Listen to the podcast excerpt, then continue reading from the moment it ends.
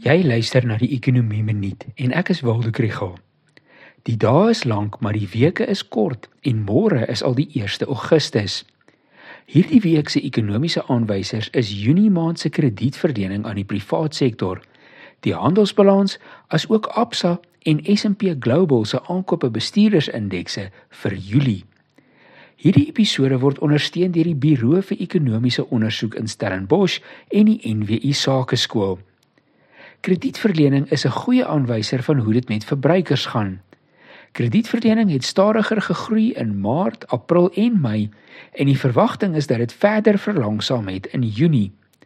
Hoë rentekoerse en swak ekonomiese groeivooruitsigte demp verbruikersvertroue.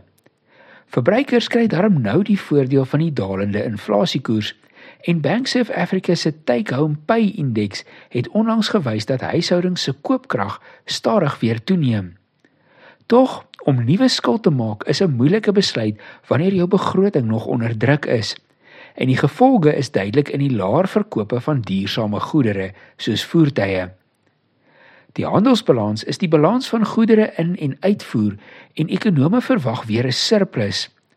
In Mei maand was die surplus die gevolg van 'n toename in die uitvoer van edelmetale en gesteentes, voertuie en vervoertoerusting, asook groente. Die belangrike rol wat mynbou speel in hierdie uitvoer, maak die oplossing van die probleme by Transnet baie belangrik. Kumba Eystererts het onlangs gesê dat hulle het al 6 miljard rand se verkope verloor omdat Transnet eenvoudig nie hulle uitset kan skuif nie. Oor die aankope bestuurdersindekse sê ontleeders dat swak binnelandse en buitelandse vraag veroorsaak dat hierdie indekse swak bly.